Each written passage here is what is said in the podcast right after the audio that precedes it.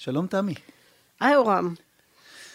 אז אה, אנחנו נכנסים לעוד שיחה בנושא של סין, והפעם על משהו מעורר תיאבון, אה, וזה אוכל סיני. מתארח אצלנו דוקטור רפי גרוסגליק, אה, שהוא מרצה, חבר סגל במחלקה לסוציולוגיה ואנתרופולוגיה באוניברסיטת בן גוריון בנגב, ועוסק באמת במגוון נושאים, וביניהם אוכל סיני. גם בשיחות האחרות על סין, אנחנו כבר למדנו שסיני זה משהו מאוד מאוד כללי, שאין דבר כזה אוכל סיני, אין דבר כזה שפה סינית, אז, אז בואו נתחיל מזה. מה בכל זאת הופך את האוכל הסיני לסיני?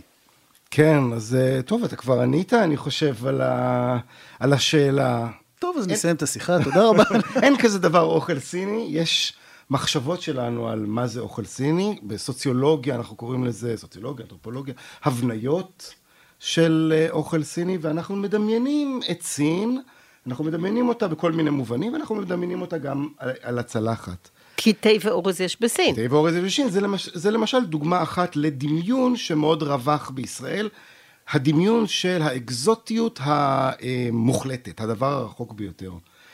אמ, נלך עם הדמיון שלך, אה, תמי, של תה ואורז יש בסין, אז גם אני חוויתי את הדמיון הזה, אני אצטרף גם להצגה שלך, איך שהצגת אותי, אני מרצה ועוסק באוכל, אבל אני הגעתי לזה כי אני בעצמי דמיינתי את התה ואורז יש בסין, ב-1999, נסעתי עם חבר לסין, אה, לא ידעתי מה זה אוכל, אה, אוכל סיני כשהגעתי, הייתי הרבה יותר צעיר, הרבה יותר רזה ממה שאני היום, לא, לא, לא כל כך עניין אותי אוכל, אבל הגעתי לסין וזה באמת אה, המם אותי. אני לא, לא, באמת לא, לא, לא, לא יכלתי להבין מה אני טועם ומה אני רואה, ובאמת הדבר הזה שיש משהו מאוד מאוד רחוק ומאוד מאוד אקזוטי, לשם רצינו להגיע, התחברנו למטבח הסיני, ו... ומצאתי את עצמי בבית ספר לבישול בסין. ושם ראיתי הרבה מאוד דברים שהם באמת מאוד מאוד רחוקים כזה, תה ואורז יש בסין, דברים שהם נורא נורא שונים, אבל גם גיליתי הרבה מאוד דברים שהם מאוד מאוד דומים. אמ, מרק אופי ש... מטריות. למשל, אז זה, זה דבר אחד, אבל ראיתי גם אוכל שמגיע מאזור אה, מערב סין, אזור אה, קשגר למשל, שהזכיר לי הרבה יותר את ירושלים. הרבה מאוד כבש וכמון ודברים כאלה, וגם זה היה אוכל סיני. אז uh, בבית ספר לבישול בסין, ושם בעצם הגעתי לנושא הזה של אנתרופולוגיה, סוציולוגיה של אוכל, זה היה אחרי שבעצמי למדתי בבית ספר אה, אה, לבישול, והבנתי שיש כאן איזשהו עניין תרבותי מאוד מאוד גדול, ואיזשהו construct תרבותי מאוד מאוד גדול. ו- ושווה ללמוד עליו ולחקור אותו. אבל יש מרכיבים מסוימים שהם אופייניים לאוכל במזרח, כי תראה, גם הודו, הודו, יש שם אין ספור מטבחים. אבל יש דברים שאתה יכול לראות, אה, הטבלון המאוד חזק למשל, כן. או... אז בסין באמת, אה, למשל, אורז הוא באמת הכרחי. הפחמימה, הוא הפחמימה. הוא הפחמימה. לא בכל מקום בסין. Okay. אוקיי. יש אטריות, נכון? יש אטריות, יש קמח, יש דוכן. יש אה, הרבה מאוד דברים שהם נחשבים... שזה בארץ היו נותנים לתרנגולות, ורק נכון. עכשיו בחנויות טבע פתאום מתחילים להסביר לך שזה נכון. בריא וטוב. נכון, אז, אז באמת סין הוא מקום ענק והיא מאוד מאוד מגוונת ומאוד מאוד שונה. יש אזורים שבהם אורז הוא באמת המאכל, מה שנקרא staple, המאכל הבסיסי. אבל אנחנו מדברים על אזור ענק שהוא שונה מאוד תרבותית, אקלימית, אה, גיאוגרפית, אה, אה, היסטורית, ו, ובאמת אה, יש הרבה מאוד גיוונים. הכל עניין של אה, קנה מידה ושל צורת הסתכלות. עכשיו, יש דברים שמאפיינים, והאפיון הזה הוא דבר שקורה הרבה פעמים תוך כדי משא ומתן, ותוך כדי מי שמגדיר את מה שמאפיין אותנו. האם אפשר למצוא שם הרבה מאוד דברים מגוונים? בוודאי שכן. מה אנחנו מייחדים כמאפיין זה איזשהו תוצר של תהליך של משא ומתן חברתי. אז בואו באמת נסתכל על זה מהפרספקטיבה הישראלית, איך, איך זה התפתח? כאן זה כבר שאלה, כן, פה, פה, פה אנחנו לוקחים באמת את הדבר המאוד מאוד גדול הזה שנקרא סין, האוכל צפון סין שונה מדרום סין, ממערב סין, הם דברים מאוד מאוד אה, שונים. בישראל... אהרוני, אהרוני, איפה? מגיע מיד לאהרוני, בוודאי, אי אפשר שלא לא להגיע לאהרוני. בישראל, כמו בהרבה מאוד מקומות אחרים בעולם, צריך איזשהו סוכני תיווך שיתווכו את הדבר הענק הזה שנקרא, שנקרא סין. אגב, לפני אהרוני, במקומות אחרים בעולם, חלק מסוכני התיווך היו מהגרים סינים שבעצמם הביאו את האוכל שלהם. למשל בארצות הברית היו מהגרים סינים שהיגרו מאזור קנטון, גואנגדונג, דרום סין, והם הביאו מאפיינים ספציפיים של האוכל הסיני שהתפתח בדרום סין. שזה ב... אגב מדהים, כי בארצות הברית ב... אתה נכנס לאין ספור מסעדות סיניות ותמיד יש אותו אוכל. נכון. אלא אם כן אתה מגיע לרמה יותר גבוהה, אבל במסעדות היומיומיות תהיה לך תמיד נכון. הבקר עם הברוקולי. וה... משום אומרת... שהתפתחה רשת. כן. רשת לא במובן של מקדונלדס, אבל איזו תודעה מהו אוכל סיני, וזה מה שאתה מצפה כשאתה נכנס למסעדות האלה. גם וגם, גם רשת של תודעה, אבל גם רשת כמו מקדונלדס. כלומר, התפתחה תעשייה שלמה של מוצרים שמיובאים, של אנשים שיודעים בדיוק איזה טעמים ואיזה תבלינים, של אותם עוגיות מזל שמיוצרות כן. במפעל אחד, אבל משווקות במסעדות שונות. שאין בכלל בסין, להבנתי. שאין בכלל בסין. אז, אז זה, זה דוגמה לסוכן תיווך. זה יכול להיות סוכן תיווך אדם, זה יכול להיות סוכן תיווך שהוא אה, מוסד כלשהו. אהרוני הוא אחד מסוכני התיווך אה, בישראל, הוא לא היחיד. אה, אבל אהרוני הוא, הוא סיפור נהדר, והוא באמת אה, מישהו שמייצג את איך שהאוכל הסיני הגיע, הגיע לישראל. והוא מדגים את מה שאני קראתי לו בעבודת התזה שלי, שם בעצם חקרתי את, את האוכל הסיני, את הגלובליזציה של האוכל הסיני, והגלובליזציה הזאת פוגשת כל מיני מקומות על ידי סוכנים שונים ובצורות שונות. אהרוני הוא אחד מהסוכנים שבשנות ה-80 הביא את, את, את, את סין לישראל. הוא, הוא הביא אותה ל, ל, ל, כמובן לקבוצה מסוימת של אנשים, לא לכולם, לא כל אחד יכל לאכול אצל אהרוני, כן? אה, ובאמת בשנות ה-80 אהרוני מגיע אחרי שהוא מטייל באירופה, בהולנד, שם הוא נחשף למטבח הסיני, בעצמו נוסע לבשל, אה, ללמוד בישול בטיוואן, קצת כמו שאני פחות או יותר אה, יצא לי לחוות רק 20 שנה מאוחר יותר. והוא מחליט לפתוח מסעדה, והוא פותח מסעדה סינית, שבעבודת התזה שלי קראתי לה מסעדה סינית שהיא עובדת על פי העיקרון של staged authenticity. כלומר, הוא מדמיין איזשהו מטבח סיני, בדיוק כמו שאנחנו מדברים, והוא בונה אותה לפי איזשהו דמיון מקובל במערב. הדמיון הזה שקרה אצל אהרוני, אבל הוא קרה בעוד מסעדות אחרות, הסינית האדומה, פקין, עוד כל מיני מסעדות אחרות. אה, הפגודה על יד הכנרת, שהם דמיינו את הלאום הסיני, הם דמיינו את סין, את המדינה הסינית, איך זה נראה, איך זה בא לידי ביטוי? פגודות, קליגרפיה. אדום, המון אדום. אדום, המון אדום, בדיוק, דרקונים, אה, מחממי אוכל, צ'ופסטיקס. כל זה כדי, מפות של סין המדינה, כל זה כדי לדמיין את סין הלאומית. אז הוא באמת שלב אחד של הגעה של אוכל סיני. שנות ה-80 מופיעת במסעדות מאוד upscale, יותר אה, אה, למעמד הגבוה. או בינוני גבוה, כמו מסעדות של אהרוני, והן מייצגות לנו איזשהו דמיון של לאומיות מדומיינת. אם אנחנו מסתכלים על זה סוציולוגית, אנתרופולוגית, זה אולי הנקודה שבה מתחילים אה, אה, בישראל טיפה להסתכל על מטבחים של לאומים אחרים. אה, אהרוני, בריאיון שיצא לי אה, לקיים איתו, הוא מדבר, האוכל הסיני באמת היה החלוץ שפתח את עולם הגורמה ואת uh, מסעדות הגורמה למטבחים האחרים. לא, היה, היה אלהמברה עם אוכל צרפתי, נכון. אוכל צרפתי כן היה קיים כאן.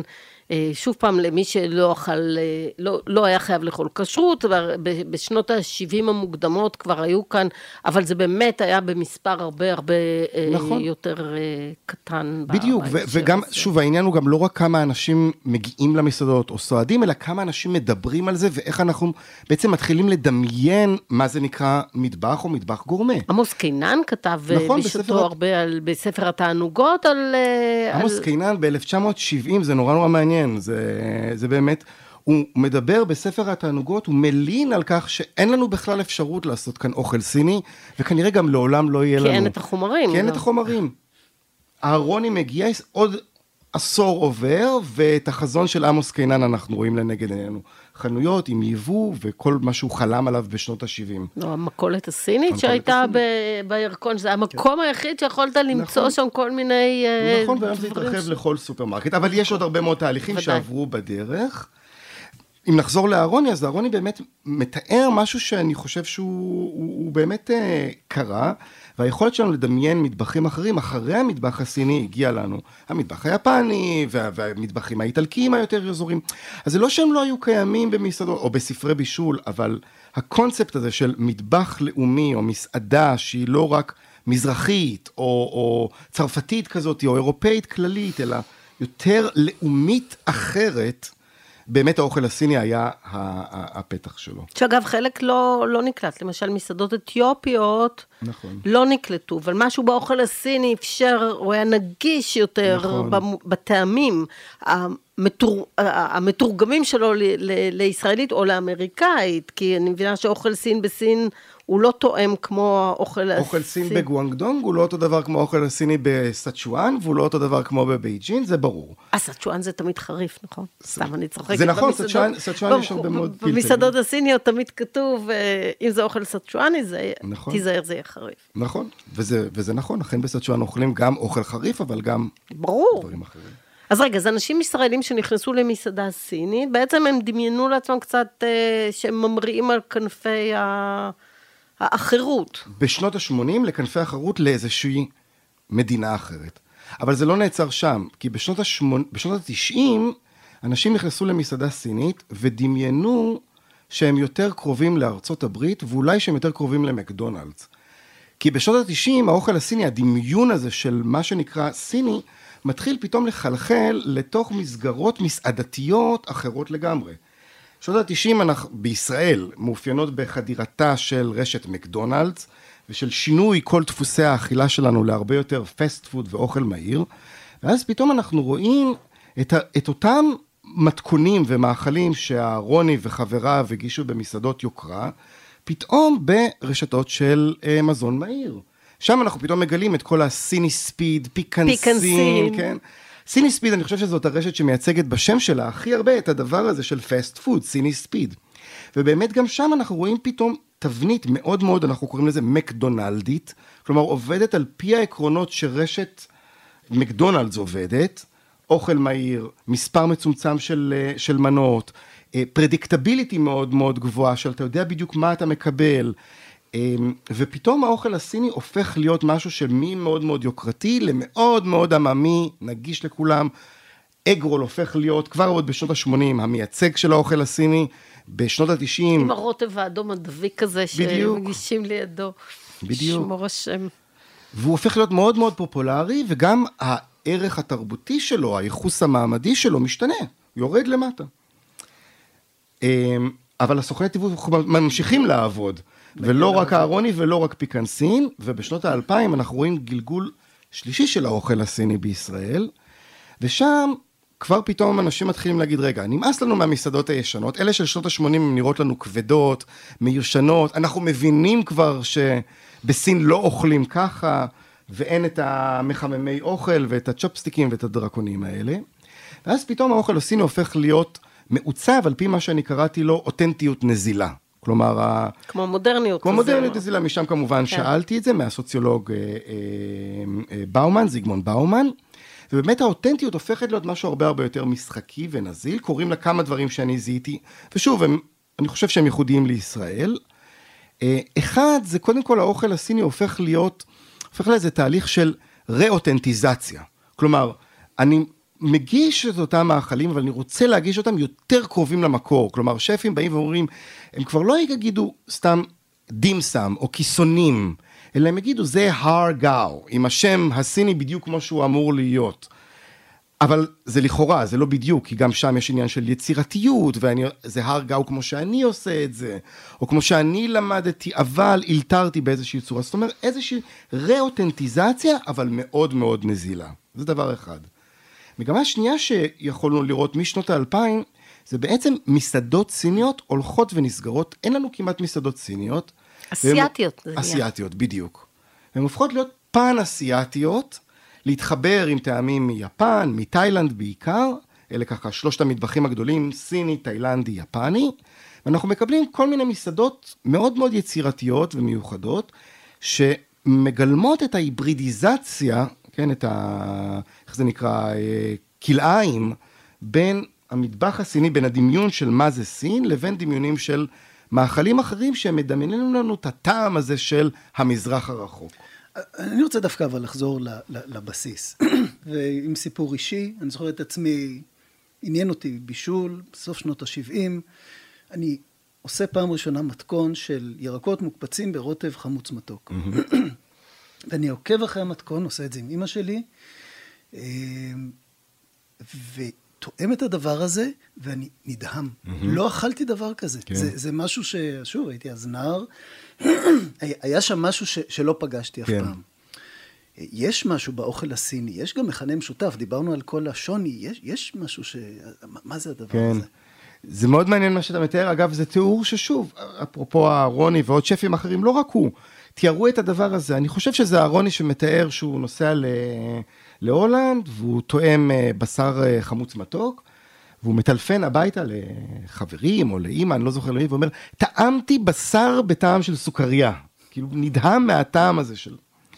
עכשיו, יש בזה באמת משהו, יש משהו שהוא אחר, שוב, אני, אתם רואים שאני נמנע מלהגיד, יש משהו באוכל הסיני, כי זה לא באוכל הסיני, אבל כן, מאחר ואוכל הוא שיקוף של תרבות, ובסין אה, אה, חלק גדול מהעקרונות התרבותיים מחלחלים להרבה מאוד מקומות, וזה העיקרון של יין יאנג, של הניגודים המשלימים האלה. והניגודים המשלימים, אם, אם באמת מאלצים אותי להגיד מה המאפיין, כמו שתמר, את שאלת קודם, מה, מה המאפיין של, אה, שבכל זאת יש בסין, הייתי אומר שזה אותו יין יאנג.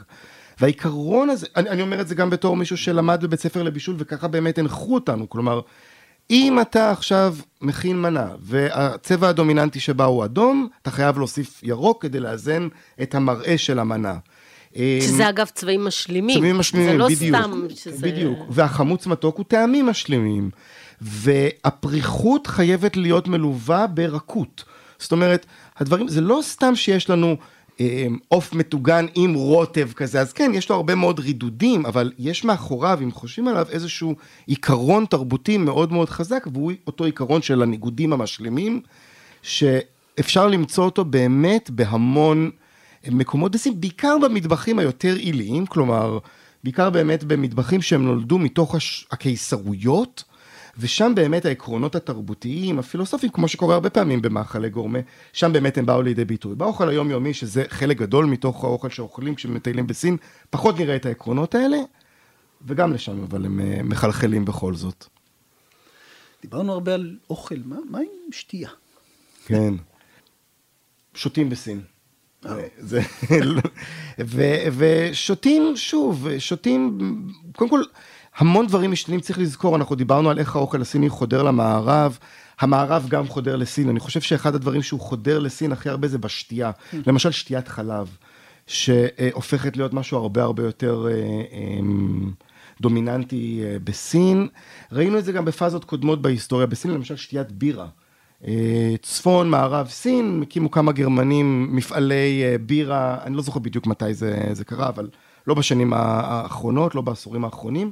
הקימו מפעלי בירה מאוד מאוד יעילים, מאוד מאוד טובים, ובירה סינית, שותים בסין, כל מי שמטייל בסין אה, חווה את זה כמו מים, היא יותר זולה מלשתות מים, ושותים בירה, למרות שאין להם שורשים היסטוריים אירופאיים של שתיית בירה.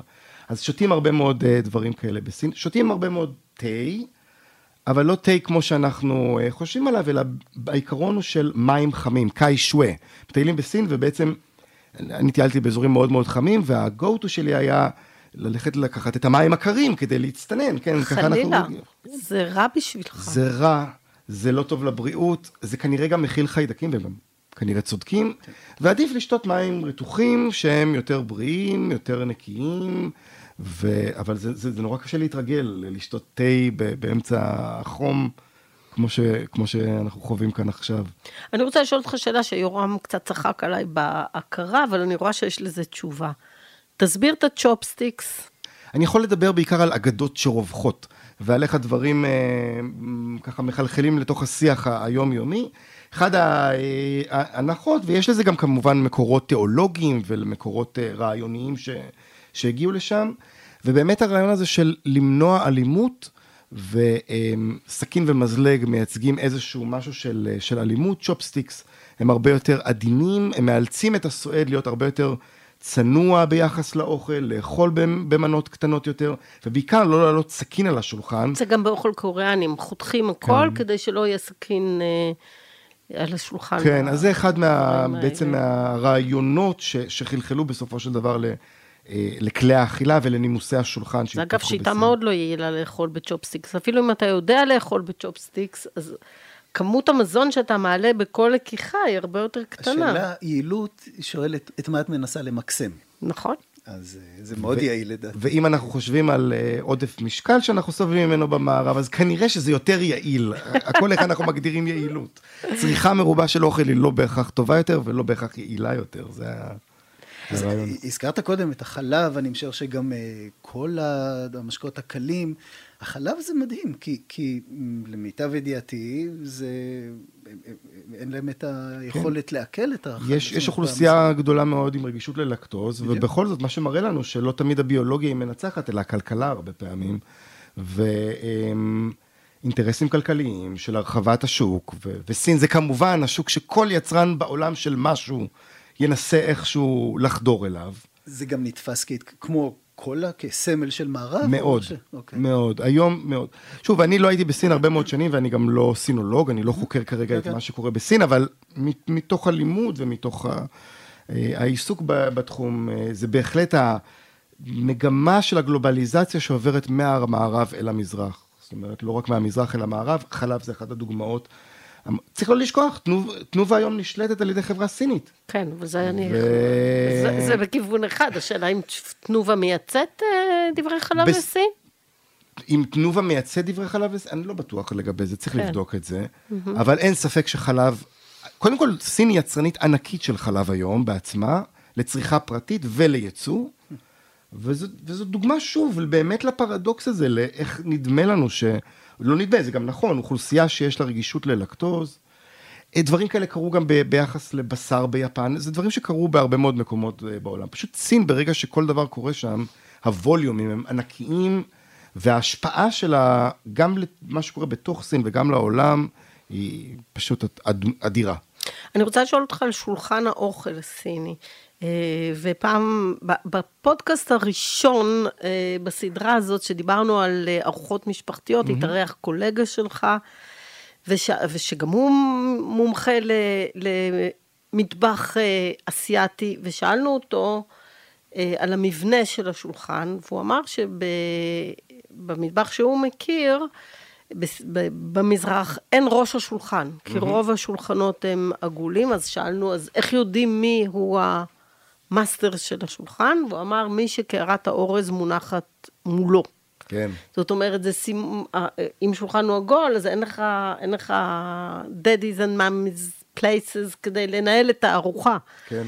אה, האם בסין אה, זה גם עובד? השולחנות הם עגולים? כן, במיוח, שוב, במיוחד במסעדות, או, ה- התשובה שלי היא נגזרת מהחוויה האישית שלי, שהיא נובעת ממגורים של כמה חודשים ארוכים שגרתי שם, והרבה מאוד אינטראקציה עם חברים שלנו משם, שהם אנשים שגם בעצמם עברו תהליכים של התמערבות, וגם הם מתנהגים כמו מערבים. אז מבנה הארוחה שאני חוויתי, הוא של הדור, מה שנקרא הצעיר יותר, הקוסמופוליטי יותר, ושם אפשר לראות כל מיני דברים אה, שונים.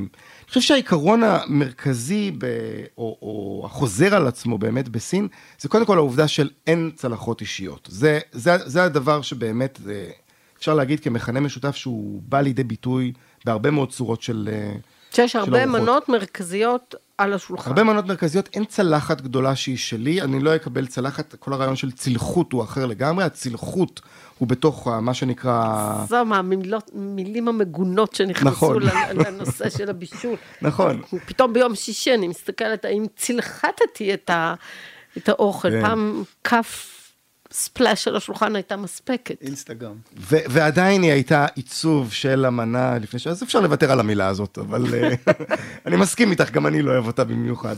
אבל uh, היא מובנת ל- להרבה כן. מאוד אנשים ש- אז שמאזינים לנו. יש הרבה מנות אה, מרכזיות, הרבה מנות שהן ואתה מרכזיות, ואת- ואת- קערה קטנה. את מקבלת פנחה, שזה ה... לשם את בעצם, איתה את תאכלי והצ'ופסטיק, ו... ועם הצ'ופסטיקס והפנחה את בעצם לוקחת מהמנה המרכזית ותואמת. ככל שהמסעדה תנסה לייצג איזשהו, אמ, נקרא לזה מטבח מסוים, או אה, מסורת מסוימת, השולחן יהיה באמת יותר עגול, עם אותו, לפעמים עם אותו המסתובב. שולחן מסתובב, כן? כדי באמת ל- ל- לסמל את השיתופיות הזאת, אבל כמובן שהרבה מאוד כללי טקס הם מסמלים את ההיררכיות שקורות בתוך, בתוך השולחן, ו, ו, והשיתופיות היא לא, היא, היא אף פעם לא באמת שיתופית. אה, למשל מתואם ראשון, או למשל גם ממטעים, באחד ה... בהרבה מאוד מהמסעדות, בארוחות הרשמיות שיצא לי אה, לאכול בסין וגם בסינגפור, אז בעצם ראיתי שהרבה פעמים המארחים שלי מאכילים אותי עם הצ'ופסטיק שלהם, וזה אחד מהסימנים של היררכיה מאוד מאוד גדולים, זאת אומרת, אני מארח אותך, אני מארח אותך, במסעדה, בואי תטעמי, זה טעים. והצ'ופסטיק בעצם נשלחים אל הפה שלי, ויש בזה איזשהו משהו מרתיע, אבל אחרי כמה פעמים זה אפילו נחמד. אה, זה לא אומר שיושבים ומאכילים אחד את השני כל הארוחה, אבל זה איזושהי ג'סטה כזאת שאנחנו הרבה פעמים לא רגילים אליה, אז גם את זה חוויתי. אבל אתם, אתם שומעים שאני מאוד מאוד נמנע מלהגיד שיש מבנים קבועים, משום שאני חושב שהדברים האלה הם מאוד מאוד דינמיים, מאוד מאוד משתנים, ו, ויש הרבה מאוד uh, סוכנים, חברות, רעיונות, הרבה מאוד תנועה שמשנה את הדבר הזה שנקרא מבנה. אה, מבנה הוא דבר שכל הזמן מתפרק והוא כל הזמן נמצא במשא ומתן והוא דינמי, גם המבנה של הארוחה וגם המבנה של השולחן. אבל אתה תסכים איתי, אני חושבת שהאוכל הסיני כחלוץ, ואחר כך האוכל האסייתי בכלל, אה, התנודה שלו כלפי המערב שינתה לחלוטין את אה, קונספציית האוכל.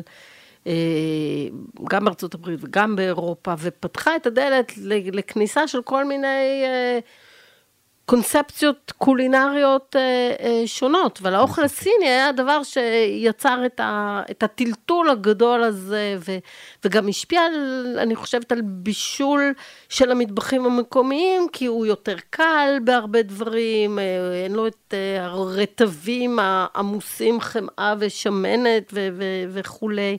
אז כך שהוא הוא, הוא שינה לא רק בעצם הנוכחות הייחודית שלו, אלא הוא שינה את המחשבה של, של המערב על אוכל. אני לגמרי מסכים איתך, ואני יכול, המושג שאני הייתי מוסיף לתיאור שאת uh, תיארת, תמר, זה, הוא שינה את המחשבה שלנו על מה זה אקזוטיות ועל מה זה אותנטיות. הוא בעצם אולי, אם אני הולך עם קו המחשבה שלך, הוא פתח את הרעיון הזה שאפשר לחשוב על אקזוטיות ואותנטיות, ולנסות לדמיין אותה, לעצב אותה, ליישם אותה אצלנו בבית. זה קרה בארצות הברית, זה קרה בישראל. רות סירקיס למשל, הזכרנו את אהרוני, אבל אחת המשפיעות הגדולות מאוד על החשיבה שלנו על המטבח, המתכון שתיארת קודם, סביר להניח שזה היה ממתכון של רות סירקיס, אולי מאהרוני שכתב ספרי בישול. לא, לא. אבל זה הרעיון שאפשר לדמיין את האקזוטיות ואת האותנטיות הזאת, לא חייבים לנסוע לשם, אפשר להכניס אותה אלינו הביתה, וכמובן שהיא יצרה הרבה מאוד אלמנטים משחקיים בתוך, ה, בתוך הבישול, אבל לגמרי כן, האוכל הסיני הוא, אם אנחנו מסתכלים היסטורית, בארצות הברית, סן פרנסיסקו, המאה ה-19, הוא נכנס, אחד באמת המטבחים שהכותרת שעמדה מעליהם הייתה אקזוטיות, החירות, ו- והוא באמת אה, סלל את הדרך, ולכן הוא גם בעיניי אה, מייצג מאוד מאוד חזק של מה שנקרא גלובליזציה של אוכל וגלובליזציה של טעמים, אה, וגם גלוקליזציה, כלומר גם המקומי מתחיל פתאום לדבר יחד עם הדבר הזה שנקרא אותנטיות ואקזוטיות, ואז נהיה גם כל הפיוז'נים למיניהם וכולי וכולי, ובאמת אפשר לדבר על עוד הרבה מאוד uh, גלגולים של הדבר הזה. רפי, זה היה מרתק. אה, התחלנו עם אוכל של ארץ רחוקה וסיימנו בדרך העיניים שלך לראות את החברה שלנו, את התרבות שלנו מפרספקטיבה אחרת. אה, היה מרתק. תודה, תודה רבה. תודה רבה לכם, תודה שהזמנתם אותי. תודה לך.